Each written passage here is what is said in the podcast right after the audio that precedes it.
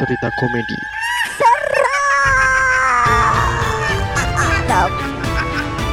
Balik lagi di Sisi Sadar bersama saya Riz Gavara. Bersama saya Sena yang saat ini nungguin eh Pengen bikin podcast seperti kita? download Anchor dong. Enggak ribet.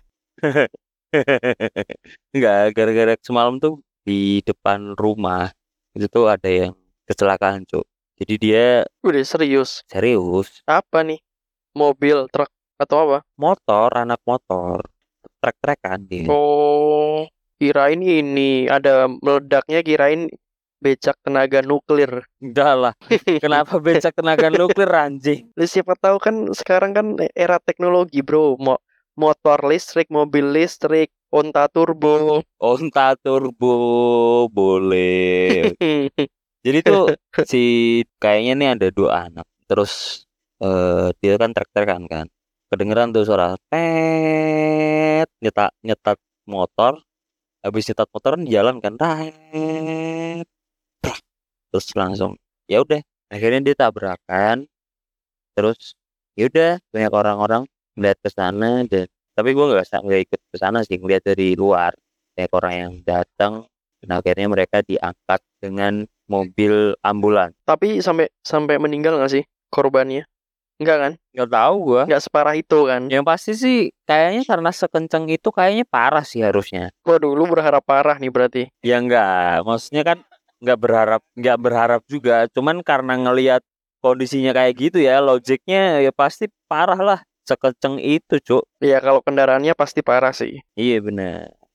Oke, jadi malam hari ini seperti biasa kita bakalan bercerita kembali, bercerita tentang cerita-cerita horor Pasti dong. karena Karena di setiap cerita mistis. pasti kok ah, mistis cuk, beda cuk, misteri.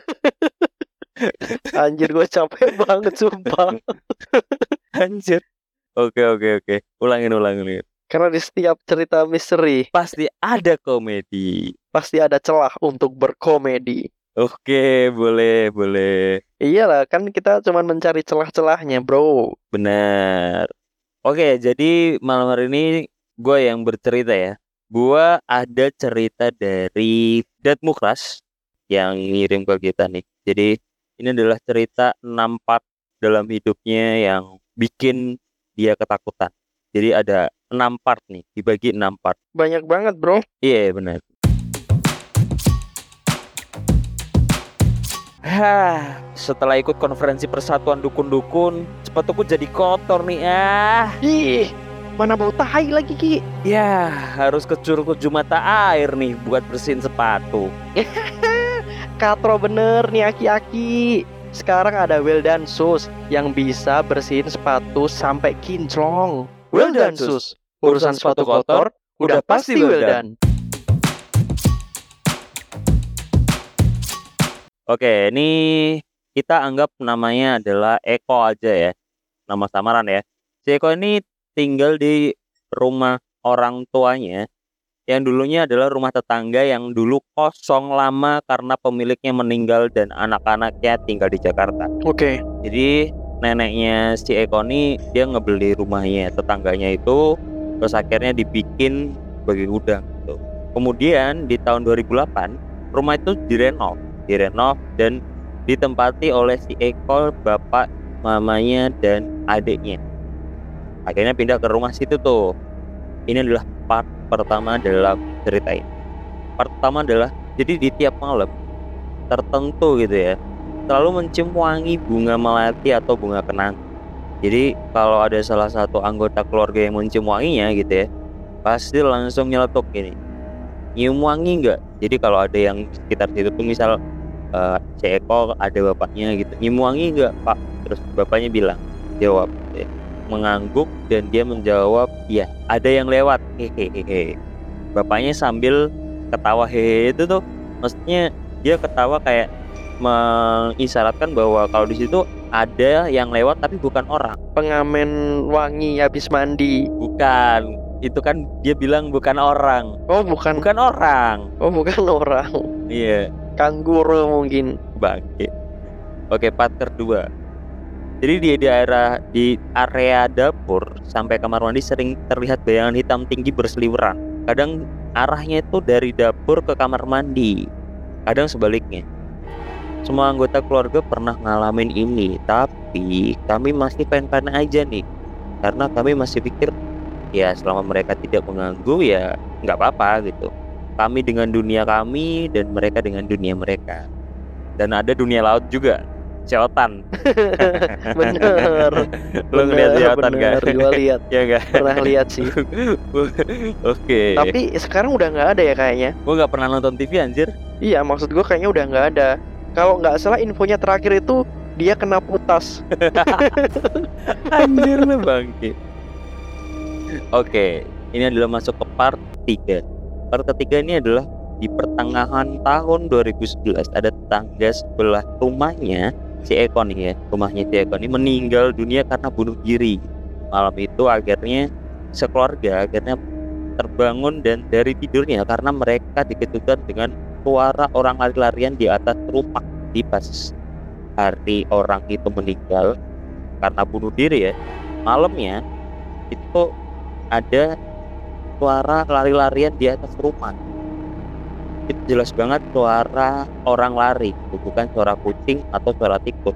Jadi mereka mendengar cukup lama yang hingga akhirnya bapaknya Eko ini kesel gitu ya. Kesel dengan akhirnya dia melakukan sesuatu yaitu dia spontan mengambil karpet bapaknya dan menggebrakan ke arah atap sambil memaki dengan umpatan Hei monyet turun loh gangguin kita tidur aja. Sini turun. Setelah itu suara tersebut langsung hilang dan suasana berubah menjadi sunyi-sunyi kenapa karpet anjing yang dibawa? Apa ya dilempar paling dilempar di atas gitu kan maksudnya tuh? Iya maksud gue kan ada barang-barang lain yang bisa dilempar selain karpet gitu kan. Terus karpet kan lu harus gulung dulu kan? Ya kalau misal karpetnya udah kegulung mah kan nggak di karpet belum di ini belum dipakai Oh iya, mungkin bisa ya. Cuman kan Bisa. masih ada benda lain mungkin asbak atau mungkin gergaji bulldozer atau rel kereta api. tapir bisa tapir juga bisa dilempar bisa, bisa tapir bisa. Bentor, bentor listrik ya kan, bentor anjir apa tenaga nuklir lu bilang tadi tuh anjing lu. becak tenaga nuklir anjir Nah, itu adalah part ketiga. Ini adalah kelanjutannya dari part keempat. Jadi pernah suatu malam bapak dan mamanya, ini agak aneh ya, bapak dan mama gitu kan. Maksud gue, kenapa bapak dan mama? Harusnya kan bapak dan ibu gitu. Kalau mama harusnya papa dan mama. kayak. ya nggak apa-apa lah Lanjut ya. Jadi ada bapak dan mamanya itu kebangun karena mendengar suara keran air di kamar mandi menyala dan sorot air terdengar suara per- seperti penuh gitu. Jadi eh, airnya tuh sampai banjir dengan air. Kedengaran banget suara. Setelah dicek suaranya itu hilang dan ternyata sama sekali tidak ada yang menyalakan keran. Bahkan air pun itu nggak ngalir setetes pun. Aneh. Ini hantu air nih fix. Fix hantu air.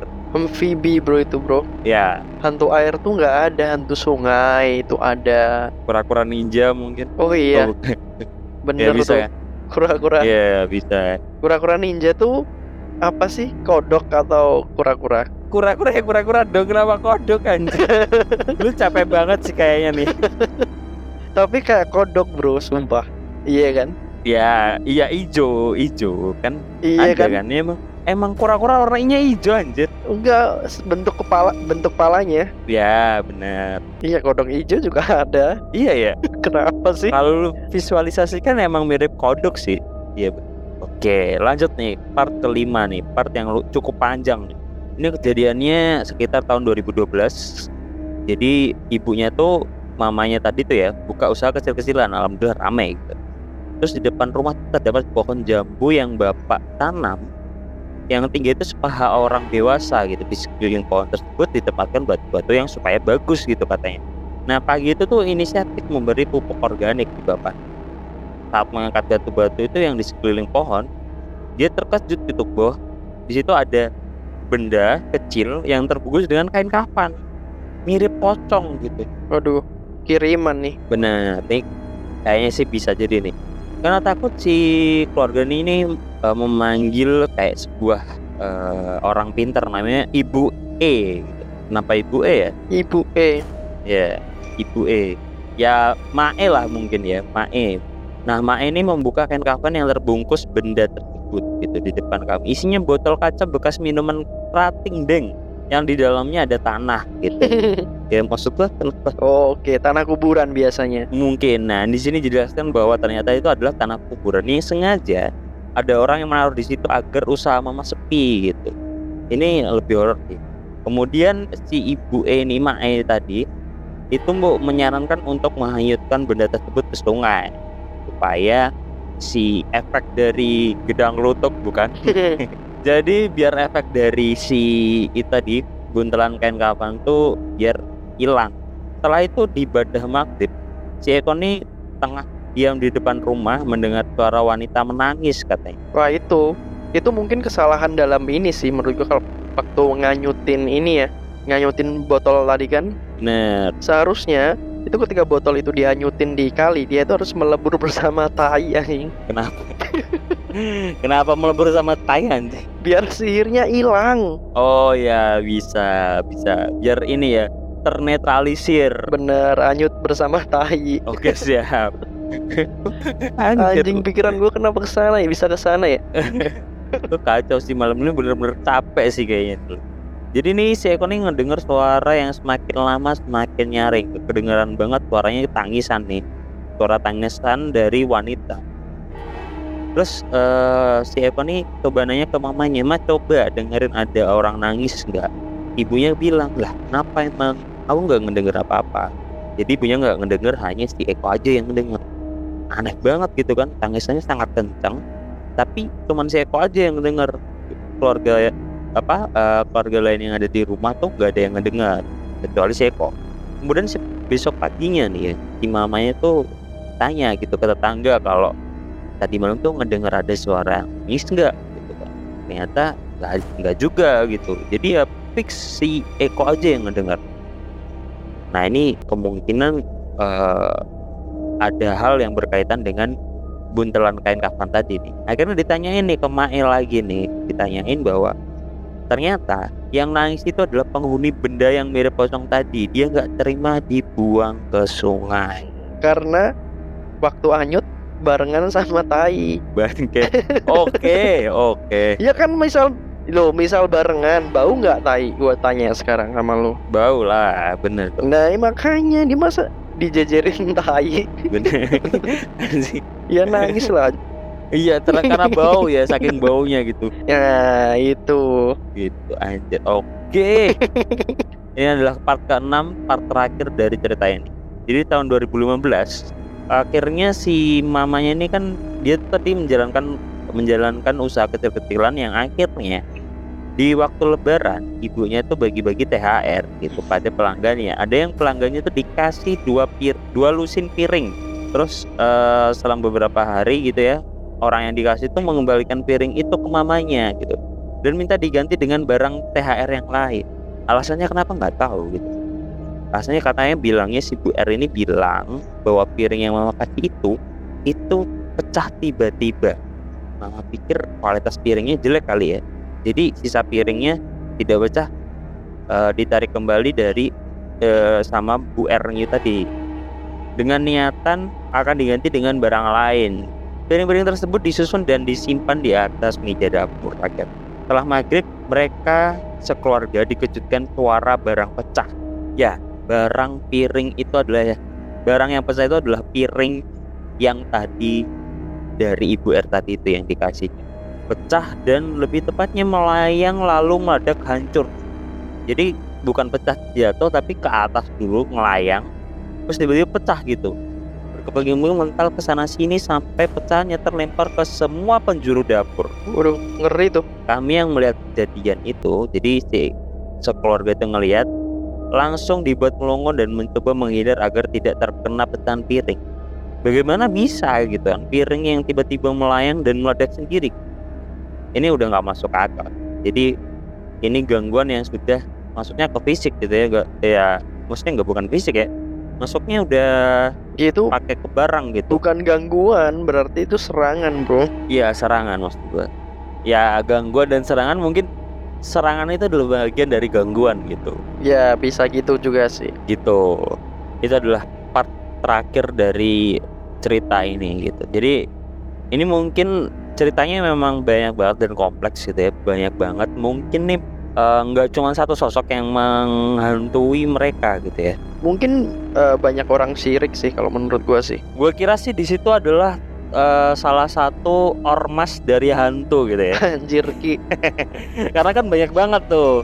Iya kan? Maksud, maksud gue kan banyak dari eh, berbagai makhluk itu yang mengganggu mereka. Dari suara-suara bentuk terus ya banyak banget lah cerita-cerita yang di situ yang aneh gitu Iya sih ya, ini maksudnya ormas sih ormas hantu nih ya namanya orang syirik mah. Kalau misal dia berani main kayak gitu, biasanya memang bisa membahayakan nyawa gitu loh. bener kalau sampai membahayakan nyawa kan bahaya juga ya ya ini patut kita ini ya ambil kesimpulan bahwa Wih, Semoga kalian ketika punya ini temen gua nih pengen jadiin the next Mario Teguh nih. enggak lah. Enggak anjing. Sel- selalu ada kesimpulan anjir. Bangke. Semoga aja kalau kalian punya rumah. Ya mungkin sebelumnya kalau masih baru gitu ya, ya di apa sih syukuran gitu ya biar kalian tuh masuk ke rumah tuh jadi pamit dengan eh, warga dan makhluk-makhluk yang ada di sekitar situ. Karena kan gue ngeliat nih nggak Didoain gitu ya. didoain gitu jadi harusnya gitu sih cuman ini kan kayaknya nggak ada apa kayak syukuran dulu masuk ke dalam gitu enggak jadi mereka asal masuk dan akhirnya banyak banget kejadian-kejadian yang aneh gitu. Loh kalau misal ini non non muslim gimana? Pesta berarti. ya maksudnya tetap dengan doa mereka dong Oh iya. iya yang Kenapa gue jawabnya pesta ya? yang penting dengan cara mereka kenapa lu yang mikir kayak gitu anjir Kenapa gue bilangnya pesta ya? Ya syukuran. Bahasanya syukuran. ya syukuran dengan cara mereka Bener. ya kayak gitulah pokoknya ya nih ceritanya cukup kompleks dan cukup menyeramkan juga menurut gua nih satu dari 10 nih mungkin di angka 7 lah Wih, di rating lagi. Berapa bos? Iya Tapi kalau misal bertubi-tubi ya serem sih. Maksudnya kalau misal gue denger cerita tadi tadi bagian yang sampai piring-piring pecah dan pecahannya itu eh, kelempar ke berbagai sudut itu kan udah membahayakan nyawa kan. Bisa mengakibatkan luka ataupun terbunuh karena benda tajam gitu loh. Ngeri sih itu sih. bener Kalau gua tujuh sih, tujuh. gua kira berapa gitu Lu tanya dong. kenapa kenapa Ya karena tidak mengenai sasaran. ya kalau misal kena kan berarti dia berhasil anjir. oh iya bener bener bener bener bener. oke kayak gitu kali ya cerita ini ditutupi dengan jokes dari si Rizal yang katanya nggak bisa kena nih ya mungkin Rizal mau dikenain nih Aduh ya jangan dong, jangan Buat, buat teman-teman yang pengen dikirim santet ke Rizal boleh nih. Bangke. Tetap di sisi sadar Sisi lain dari alam bawah sadar.